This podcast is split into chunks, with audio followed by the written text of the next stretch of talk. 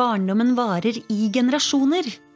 Den som formulerte dette, var pioneren og sosionomen Kari Kilén, Norges første med doktorgrad på omsorgssvikt og overgrep mot barn. Kilén har jobba for utsatte barn og deres familier i 70 år og opplyst tusenvis av fagfolk og studenter.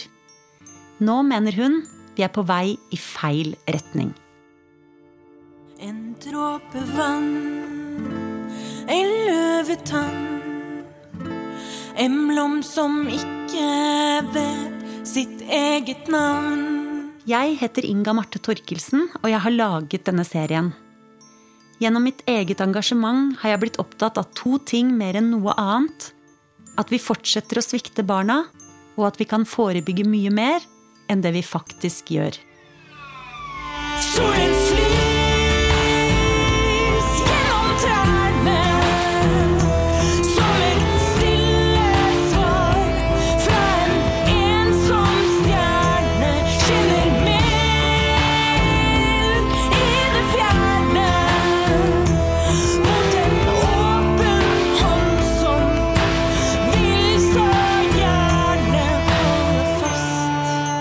1960 dro Kari Kilén til den berømte barnepsykiateren John Bolby på Tavistock i London for å lære mer om forebyggende arbeid. Hun ønsket å stå best mulig rusta til oppgaven med å bygge opp familiesentre på Sagene i Oslo. For Bolby elsket helsestasjoner, og jeg var jo med ham på helsestasjon. Det ble starten på et livslangt kjærlighetsforhold til nettopp helsestasjonene. Men først og fremst handla det nok om et engasjement for godt forebyggende arbeid. For når du virkelig har sett hva en dårlig oppvekst kan føre til for mennesker, så får du gjerne lyst til å gjøre noe med årsakene, sånn at andre kan slippe å oppleve den samme smerten. Da hadde jeg jobbet med så belastede barn og voksne. Først to år i barnepsykiatrien, eh, så to år i voksenpsykiatri. All den erfaring jeg hadde hatt tidligere, så kom jo dette med generasjonsgjentakelsene opp altså hele tiden. Eh, Så man skulle være ganske lukket for ikke å slippe inn at eh, ulike former for overgrep og omsorgssvikt, det har noen alvorlige konsekvenser. Og selvfølgelig så er jo all forskning som har kommet først fra Amerika, eh, så fra ja, det er nesten ikke et land nå, i hvert fall i den vestlige verden, som ikke har forsket på dette her. Og hvor vi jo ser hvordan, hvordan eh, tidlig omsorgssvikt den fører til eh, Først så trodde vi jo bare at de utviklet psykiske problemer. I dag vet vi jo veldig godt at det også blir somatiske problemer. Noe av det nye som også har kommet de siste åra, er internasjonal forskning på stresshormoner i svangerskapet og sammenhengen med tidlige barndomserfaringer hos mødrene. Her er forsker og psykolog Iris Steine på telefon fra California. I denne studien undersøkte vi om stressende og traumatiske hendelser i barndommen, i voksen alder og i løpet av svangerskapet hang sammen med nivået av et stresshormon som kroppen produserer ekstra masse av i svangerskapet. Og dette undersøkte vi i et utvalg av 1300 gravide kvinner i USA. Vi fant at traumatiske hendelser i barndommen, spesifikt å ha blitt utsatt for vold eller seksuelle overgrep, var knyttet til et høyere nivå av dette stresshormonet. I motsetning så var ikke hendelser som skjedde i voksen alder eller i løpet av svangerskapet, knyttet til nivået av dette stresshormonet. Så denne sammenhengen fant vi altså spesifikt for traumatisk stress som hadde skjedd i barndommen. Og hva fører dette stresshormonet til? Fra før av så vet vi at høyere nivå av dette stresshormonet er knyttet til alt fra svangerskapsforgiftning, for tidlig fødsel, fødselsdepresjon, til lavere fødselsvekt hos barnet. Og til høyere nivå av stress og frykt og angst hos barnet i spedbarnsalderen. Så det er knytta til negative konsekvenser hos både mor og barn.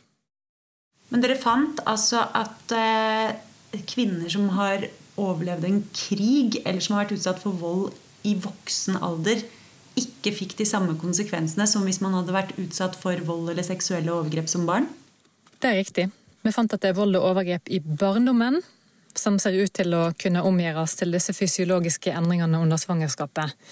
På en måte som kan ha negative konsekvenser for både mor og barn. Iris Steine forteller at forskningen peker på yoga og meditasjon som gode virkemidler for å få ned stresset hos disse kvinnene. Kari Kilén er opptatt av at vi må forstå hvor viktig svangerskapet er for både mor og barn. Mødrene må tas godt vare på, sånn at de kan ta godt vare på barnet de bærer, sier hun. Og vi vet jo nå i dag at uh, svangerskapet uh, det er ikke bare en, en ni måneders periode hvor barnet bare ligger der og utvikler seg og blir, og blir til et foster, hadde jeg nær sagt. Uh, det er jo en periode hvor barnet utvikler seg helt avhengig av hvordan, hvordan mor har det. Samtidig så vet vi også at i løpet av svangerskapet så svekkes forsvar. Og det vil si at i løpet av svangerskapet så vil en del opplevelser kunne komme til overflaten hos mødrene. Opplevelser som de overhodet ikke har tenkt på tidligere. Det kan være ulike former for overgrep. Og så sitter vi da og vet at uh, tidligere traumer som seksuelle overgrep blir aktualisert igjen i tilknytning til fødselen. Så dette er viktig at jordmødrene er tilgjengelig for mødrene i svangerskapet. De har behov for mer enn å slutte å røyke og slutte å drikke. Gravide mødre skal bæres. De skal støttes. De skal føle seg tatt vare på. For hun mater jo barnet, hadde jeg nær sagt, i svangerskapet. Med, med følelser. Jordmødrene bør få en større plass eh, i hele svangerskapet. Mm. Hva tenker du da om at det er jordmormangel? Ja, det har jeg stusset over veldig lenge, egentlig vært rystet over det. Det som vel har forbløffet meg, det er hvor lite man egentlig er villig til å investere i forebyggende arbeid. For hvis vi virkelig skal forebygge, så må vi inn tidlig. En av Kari Kiléns mest kjente bøker ved siden av klassikeren 'Sveket' er boka 'Barndommen varer i generasjoner'. Her viser hun hvordan foreldres egen barndom og tilknytningshistorikk spiller inn når de selv får barn. Vil du forklare hvordan dette skjer? Da må jeg ta utgangspunkt i Bowlbys andre hypotese. Ja. og hans andre hypotese, den lyder sånn. Parallelt med at vi utvikler tilknytning til våre foreldre, så utvikler vi et uh, indre uh, bilde av hvordan vi skal være foreldre. Hvordan barn skal være barn, og hvordan forholdet mellom oss skal være. Så fra dag én, når vi ligger der som spedbarn, så begynner vi å lære. Så utvikler vi en holdning som etter hvert fører til en forventning som vi bringer inn i foreldreskapet selv. Det er ganske sterkt. Hun trekker linjene til nyere hjerneforskning. Lenge så trodde vi jo at øh, hjernen den var arvet, og hvordan den skulle utvikle seg, det var forutbestemt ved hjernens utvikling. Ja. Vi trodde jo det. Ja. Sånn man var født, så skulle man fortsette, hadde jeg nær sagt. Så vi trodde da faktisk at hjernens struktur var helt bestemt av genetiske faktorer. Og det vet vi nå at det simpelthen ikke er tilfellet. Eh, For den enkelte hjernen den er bygd opp av en kompleks blanding eh, av arv og erfaringer. Og utvikling, nevrologisk forskning viser at hjernen utvikler, dette skal jeg si sakte, og organiserer seg som en respons på erfaring. Det er jo en fantastisk lærdom. Og hør bare. Barn fødes med over 100 milliarder hjerneceller. Men det som er avgjørende for hjernens fungering, er hvordan disse hjernecellene kobler seg sammen, danner synapser, som det heter, og kommuniserer med hverandre. Siden hjernen er bruksavhengig, er det barnets erfaringer som bygger hjernen. Ved fødsel er ca. 15% av cellene koblet sammen. I de neste åra kan barnet koble 250 000 nye forbindelser per time. Og det som også har kommet i tillegg, det er at den følelsesmessige kommunikasjonen som barnet da opplever, den får avgjørende betydning for hvordan hjernen utvikler seg. Og derfor blir jo de tre første årene de blir jo enda mer avgjørende enn det vi trodde. For da er hjernen så plastisk. Nemlig. Da er den virkelig utvikling. Da, da foregår dens intense utvikling. Og her vil f.eks. Um, stor sensitivitet hos foreldre, hos mor, hos far, hos de som har med barnet å gjøre, vil stimulere eh, denne utviklingen. Så har du to andre typer av samspill som barnet kan komme inn i. Eh, Det kan være passivitet. Manglende engasjement i barnet, som kan skyldes ulike problemer i familien. Det kan, det kan handle om depresjon. Og den passiviteten, den fører da til at mye av utviklingen går i stå. Hvis barnet blir møtt på en kontrollerende, invaderende, styrende måte, så får det også en konsekvens for hjernens utvikling. Og dette er jo utrolig at dette vet man. Ja, det er det. Det er det. Det er, det er helt så man kunne stå opp og juble. Bare tenk på hvis dette ble, eh, hvis dette ble allmenn kunnskap ved helsestasjonen. Et av de aller viktigste bidragene vi kan gi til barns utvikling og helse, dreier seg altså om barnets følelsesmessige tilknytning og trygghet i relasjonen til sine omsorgsgivere. Det handler dypest sett om å sikre at barn har en grunnmur å møte livet med. Noen av de mest kostbare problemene og lidelsene vi har rundt oss, skyldes også tidlige, vonde barndomserfaringer. Vi har jo fantastiske helsestasjoner. Helsesykepleiere. Det er jo en fantastisk sterk og flott yrkesgruppe. Eh, Samtidig så har det nå kommet inn mer kunnskap som de ikke hadde før. De er veldig gode på bredt eh, universalforebyggelse, der er de kjempegode. Men så har det kommet så mye ny kunnskap som vil kunne gi dem muligheter til mer selektiv forebyggelse. Og den er ikke utnyttet ennå. Bare hvis vi tenker på de siste 10-20 årene, så har vi jo fått omfattende forskningsforankret kunnskap som de vil kunne ha enda mer glede av enn noen andre. Eh, Og det handler om eh, tilknytningsforskningen. Eh, Det handler om traume, hjerne, stressforskning.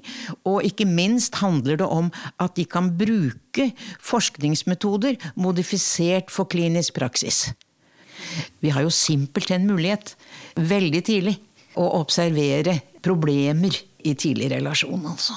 For med den kunnskapen så kunne veldig mye vært forebygget. Og dette burde jo også da for politikere, syns jeg, være en ekstra sånn eh, push eh, til å investere mer i utdanningene eh, til de som skal forebygge og jobbe, uansett hvilken yrkesgruppe det er i det hele tatt å styrke helsestasjonen og barnehagene. Det er noe av det viktigste. Og ikke minst styrke det samarbeidet også, også mellom dem. Jeg syns noe av det spennende som har skjedd eh, de siste årene, det har jo vært eh, eh, forskningen rundt mentalisering. Så nå kan ingen lenger protestere når jeg snakker om det, for nå er det, nå er det skikkelig dokumentert. Hun forklarer hva mentalisering er. Da skal jeg ta utgangspunkt først i den enkleste måten å si det på. Og den handler om å se andre innenfra og seg selv utenfra. Det er eh, definisjon. Eh, men den kan kanskje veldig lett bli forenklet, så la meg forsøke å si det mer komplisert. Hvis vi, hvis vi tar det fra, eh, fra oss som, eh, som fagfolk, da, så handler jo det da om at at eh, helsesykepleier bestreber seg på eh, å leve seg inn eh, i hvordan foreldre har det. De bestreber seg på å leve seg inn i hvordan barna har det. Og de begynner å kjenne etter på seg selv. Det spørsmål som jeg, som jeg sier til så mange, det, dere må stille dere spørsmålet hva gjør den mor med meg, og hva gjør det barnet med meg? Fordi det er, denne, det er denne tosidige prosessen som mentaliseringen jo handler om. For vi er ikke i stand til å hjelpe foreldrene med deres mentaliseringsevne før vi er i stand til å kjenne vår egen mentaliseringsprosess. Hun bringer inn et begrep som brukes mer og mer, nemlig foreldrenes reflekterende fungering. Jeg syns det er et veldig godt uttrykk, og det handler om i hvilken grad er foreldre i stand til å leve seg inn i hvordan barnet opplever situasjonen, og er de selv i stand til å registrere sine egne følelser og reaksjoner, og regulere dem i forhold til barnets behov. Og det er det som ligger i foreldres reflekterende fungering. Og det er det som bør ligge i vår holdning, enten vi er helsesykepleiere eller eh, hvem vi nå måtte være, som møter foreldre og barn og skal bidra til deres eh, videre utvikling. Så handler jo det både da å forsøke å forstå, leve seg inn i foreldres forhold til barn, Se på det i forhold til barnets reaksjoner, og ikke minst stille spørsmålstegn hva gjør dette med meg? Hva, gjør, hva er det med meg som gjør at jeg gjør en god jobb her? Eller hva er det med meg som gjør at det er et eller annet med denne mor og dette barn rubs me the wrong way, som Bobby sa, som gjør at jeg, at jeg ikke er, har så mye innlevelse som jeg burde ha. Eh, Og jeg tror på en måte at mentaliseringen, foreldrenes reflekterende eh, fungering, den er på en måte kjernen i foreldrebarnskapet, og det er kjernen i hjelperens forhold eh, til foreldrene eh, og til barnet.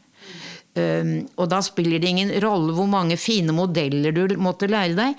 Eh, De blir ikke særlig brukbare eh, hvis ikke vi har, hvis ikke vi har, har hold på disse følelsene og disse holdningene. For det er akkurat det at det handler dypest sett om følelser. Det er det det gjør.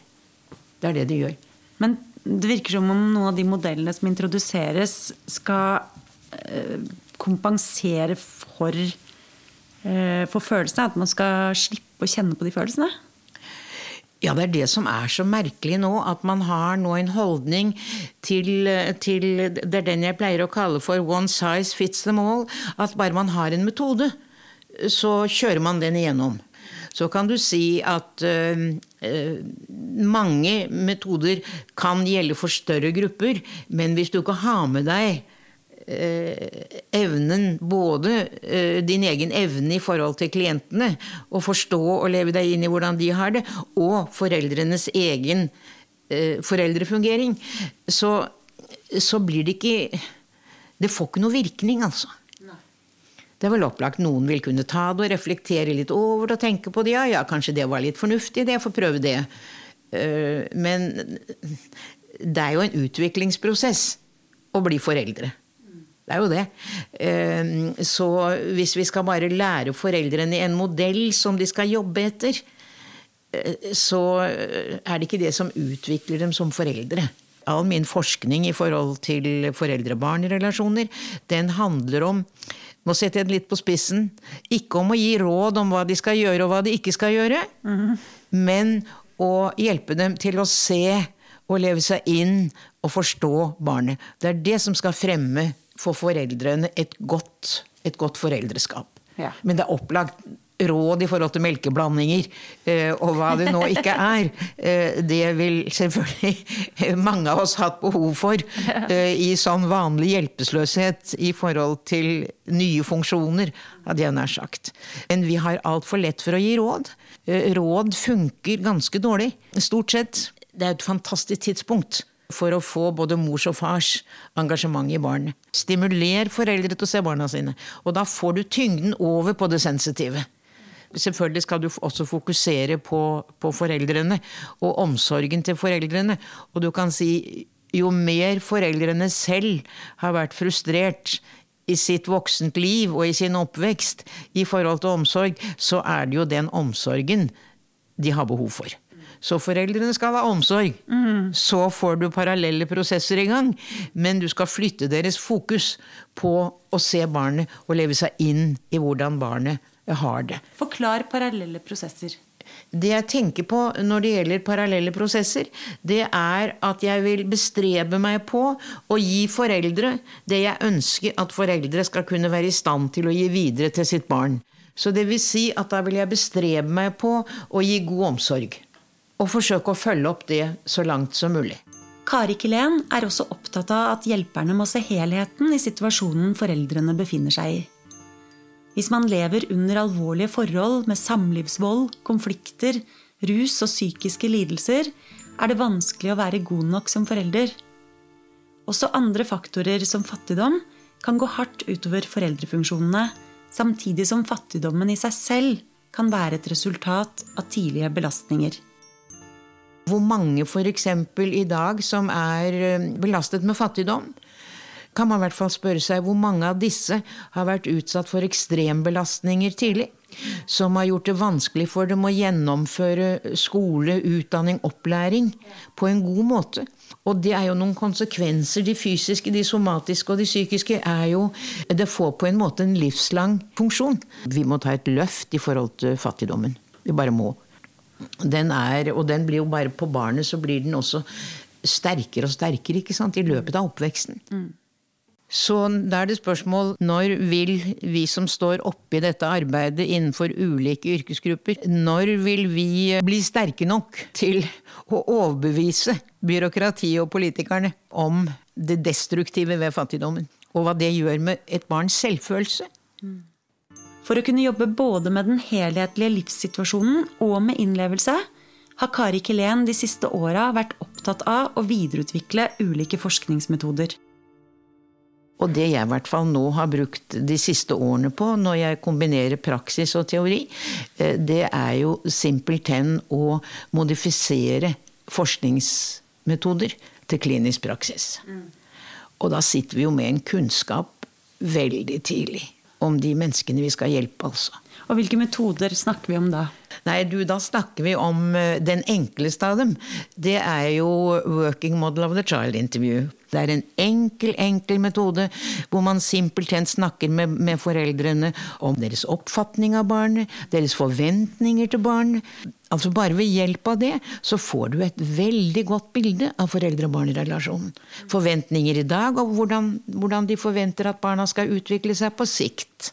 Så kan du si en klok helsesøster uten teoretisk kunnskap, men med mye intuisjon og varme, har veldig ofte intervjuet på den måten uten å være seg det bevisst. Det møter jeg når jeg underviser eh, helsesøstre. Helsesykepleiere, som det nå heter i dag. Da får vi jo også ha menn i den, i den gruppen. Så, så det, det er en av metodene. Kanskje den enkleste. Så har vi Care Index, som jeg selv jo har forsket med. Det er det som eh, begrepsfester og analyserer foreldre-barn-relasjonen.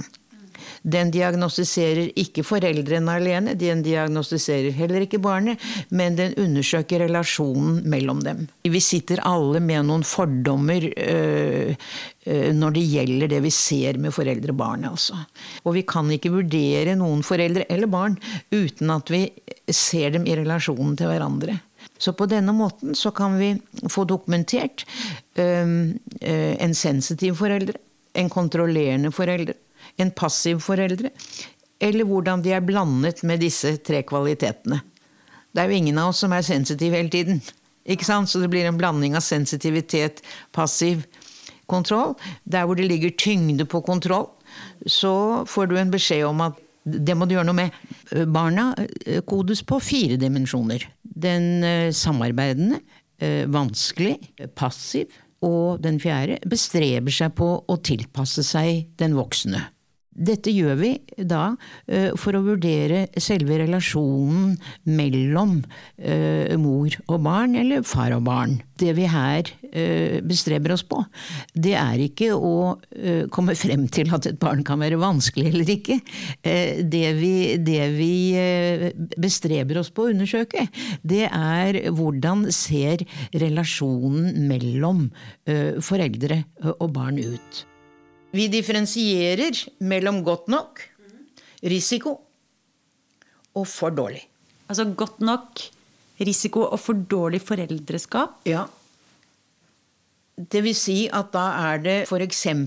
tyngde på manglende følelsesmessig engasjement vil du da finne stort sett i den, i den tredje laveste gruppen. Jeg assosierer nå til tilknytningsmønstrene, for det er jo en veldig nær sammenheng også mellom dette tidlige samspillet og tilknytningsmønstrene. Som utvikler seg gjennom oppveksten og også videre. Hvis ikke noe annet virkelig drastisk skjer. Det eksempelet som dukker opp nå, nå i mitt hode, det er det overtilpassede barnet. Som er veldig hjelpsom, veldig, veldig snille. De passer på mor enhver tid. De vet at mor trenger hjelp, så de blir små omsorgsgivere. Hvis jeg hadde hatt ti år forskning foran meg, så ville jeg stille spørsmålet hvor ender det lille barnet hen? Hvem er det hun tar seg av som voksen? Dette har jeg jo sett i praksis veldig mye. At de som har vært små omsorgsgivere for mor, tatt vare på henne, vet at hun trenger dem, har veldig ofte endt opp med relasjoner til voksne hvor de har fortsatt å ta seg av. Så har de ofte funnet en mann uh, som fungerer dårlig, f.eks. Som, de da, som har behov for hjelp. Og det som er det skumle med det, uh, det er jo at vi har veldig lett for å bagatellisere det problemet. Den lille veslevoksne som tar seg av mor, enten det er gutt eller pike, eh, blir på en måte sett på eh, ja, hva skal man si, med glede og anerkjennelse. Se så flink hun er. Eh, og det er litt skummelt. Eh, fordi det som er viktig for disse barna, og det kan vi snakke om senere når vi kommer i barnehagen, det er jo helt sikkert å få en kompenserende tilknytningsperson som vektlegger helt andre ting, og som ikke vektlegger at de skal være snille hele tiden og ta vare på på- den voksne. Så dette er en, vi begynner nå å få ganske mye kunnskap som kan brukes av veldig mange yrkesgrupper. Kari Kilén har selv hatt et stort forskningsprosjekt med ca. 300 par av mødre og barn, hvor nettopp Care Index ble brukt. Vi har da kunnet følge eh, samspillsmønstrene frem til eh, tilknytningsmønstrene. Når jeg forsket på det selv, så tok jeg opptak på tre måneder, på seks-syv måneder. Så så jeg på tilknytning på et år, og tilknytning på to år. Og så hadde vi vel fireåringene til slutt. Var det de samme familiene du fulgte? Ja, ja, akkurat de samme familiene. Fantastisk. Eh, Vi hadde 100 fra Bærum, og så hadde vi 100 familier fra en, en bydel øst i Oslo. Og så hadde vi 100, dvs. Si den krøp litt, forståelig nok, etter hvert, som ble hentet fra mor-barn-institusjonen. Og da hentet jeg fra mor-barn-institusjonen i Horten, som jeg hadde et nært samarbeid med, og Borgestad.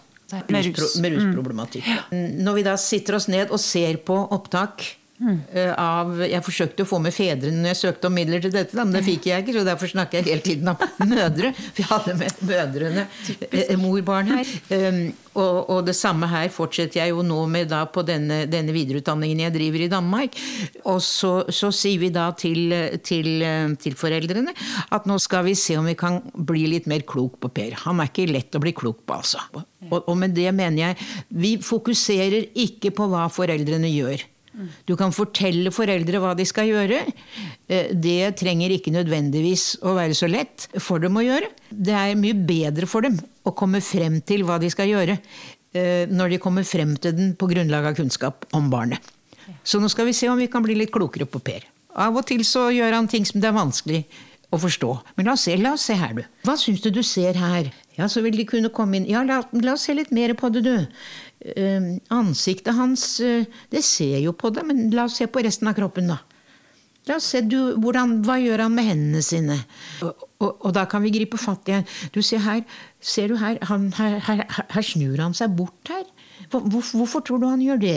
Det handler om å stimulere foreldrenes innlevelsesevne.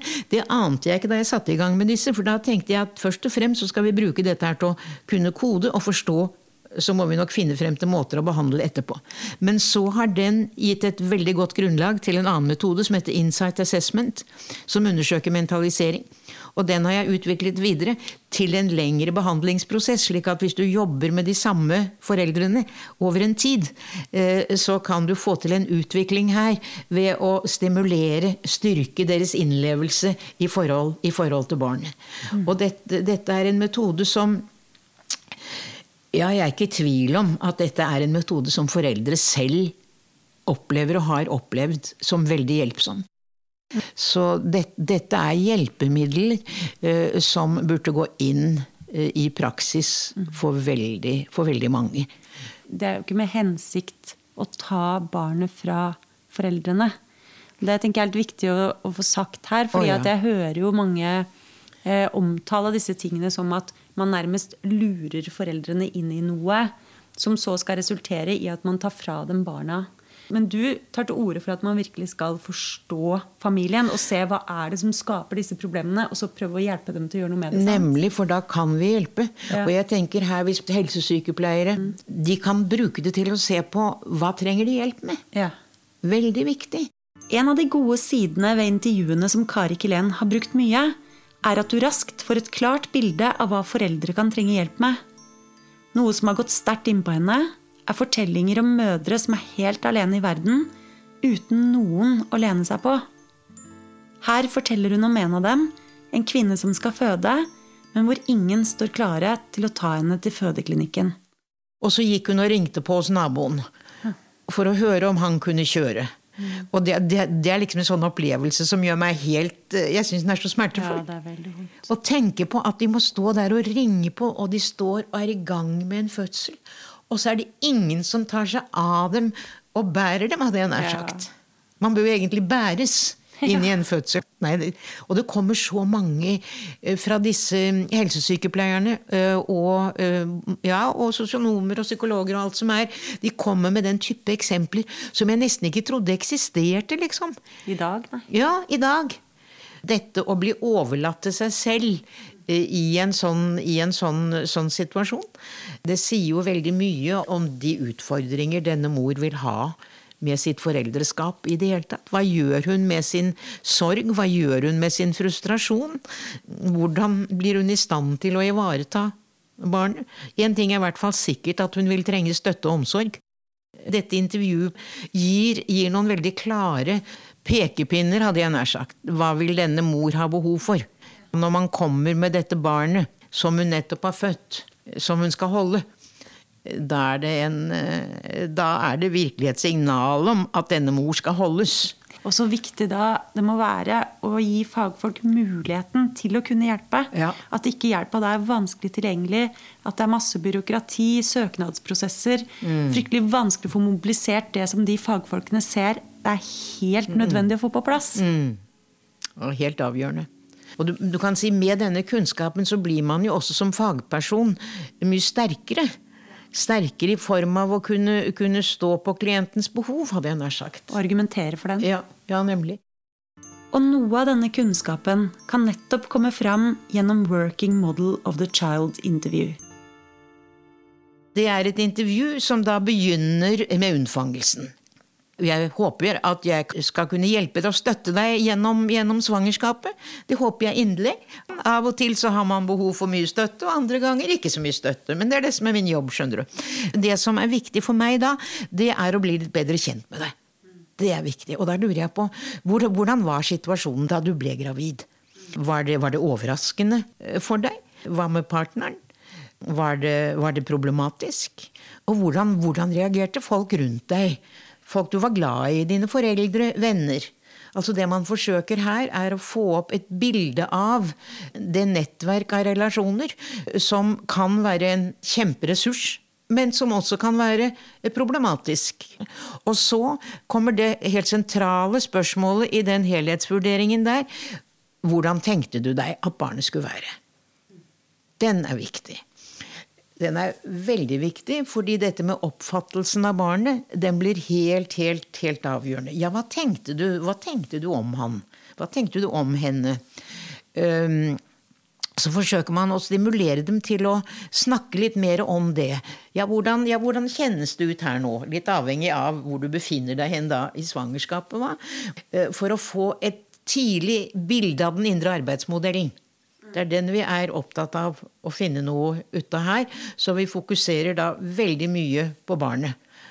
Da jeg jobbet med, med foreldre som, som hadde utsatt sine barn for ulike former for omsorgssvikt, så hadde de veldig spesielle oppfatninger av barnet sitt. Allerede fra svangerskapet. Ja, faktisk. Ja. At, uh, gikk, det, var, det var de som lærte meg om det, faktisk. Før jeg vel kunne dette, dette intervjuet. For de kunne si sånne ting som 'Han var født full av faen', vet du.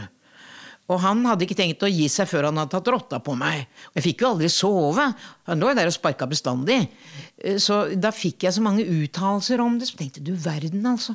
Hvor tidlig den oppfatningen kommer.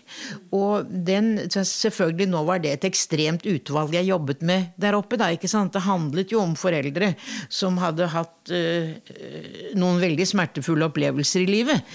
Øh, som gjorde at de utsatte sine barn for alvorlige ting. Så det er opplagt det er et helt spesielt utvalg, men da, men da fikk jeg liksom en fornemmelse av at dette her er viktig. Og så kommer dette intervjuet, som, da, som da baserte seg på Bolbys hypotese etter hvert frem, dette med indre arbeidsmodell. Og så er jeg blitt mer og mer opptatt av det i forhold til mindre belastede familier. Da. Eh, Hvordan, hvordan oppfatningen av barnet blir veldig viktig å få frem tidlig, for å kunne reflektere litt rundt det, for å spørre litt rundt det, slik at barnet ikke blir bæreren av, av sterke projiseringer. Og det kan jo også være at uh, foreldre som kommer fra såkalt ressurssterke hjem, da, uh, har veldig sterke forhåpninger og krav Ja. til barnet, som ja. det kan være veldig tøft for et barn å skulle leve opp til. Nemlig. Det kan du også da finne gjennom dette intervjuet. Nemlig. Veldig viktig. Og jeg tror faktisk også at dette godt kan være et godt tema eh, for barselgrupper. Å snakke litt om hva tenker man om barnet sitt, og hva ønsker man seg, og hva drømmer man om, og hva tenker man. Og det vil være, kunne gi noen muligheter for noen utvekslinger eh, mellom eh, deltakerne i barselgrupper. Hun legger til at nettopp barselgruppene er noe av det viktigste som helsestasjonene kan tilby. Barselgruppene de er fantastiske eh, til å kunne hva skal vi si, se både ressurser og begrensninger. For hvis du har eh, syv, nå har det stort sett vært mødre i disse barselgruppene eh, jeg veiledet vel, tror stort sett mor-barn, og har du seks-syv der, så vil du veldig hurtig se om det er en som er mer sårbar enn de andre.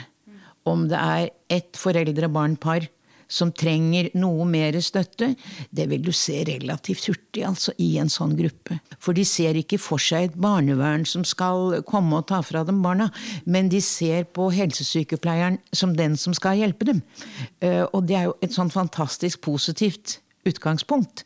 Så da kan jo bare, bare helsesykepleier eh, snakke litt om um, både generelle problemer og ja, det som alle har litt av, og noen har ikke sant? Så bare den måten helsesykepleier konkretiserer en del av de problemene, og får andre i gruppen til å komme inn, og jo, det har de opplevd. Barselgruppene har to funksjoner. Og det er å bygge nettverk. Og for de som kanskje kommer nye til et sted, ikke kjenner noen, så er jo det fantastisk. Og i løpet av denne prosessen å skaffe seg tre, fire, fem kolleger. Og selvfølgelig da funksjonen i forhold til virkelig å kunne se tidlig hvor det er ulike problemer. Hvor det er noe samspill som halter. Et barn som avviker fra de andre i gruppen. Og bare da å møte den forelder eh, med en del forståelse eh, Det kan være så enkelt som eh, Det er ikke alltid like lett, du.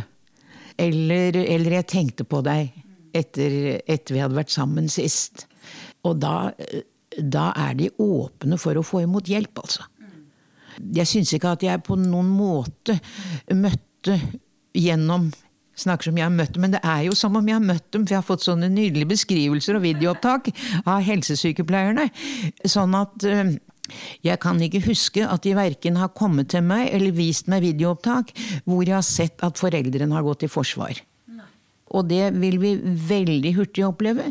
Der hvor foreldre føler at nå, nå har barnevernet eh, satt sine eh, skarpe øyne på meg, så er Forsvaret der med en gang. Da blir de redde, ikke sant?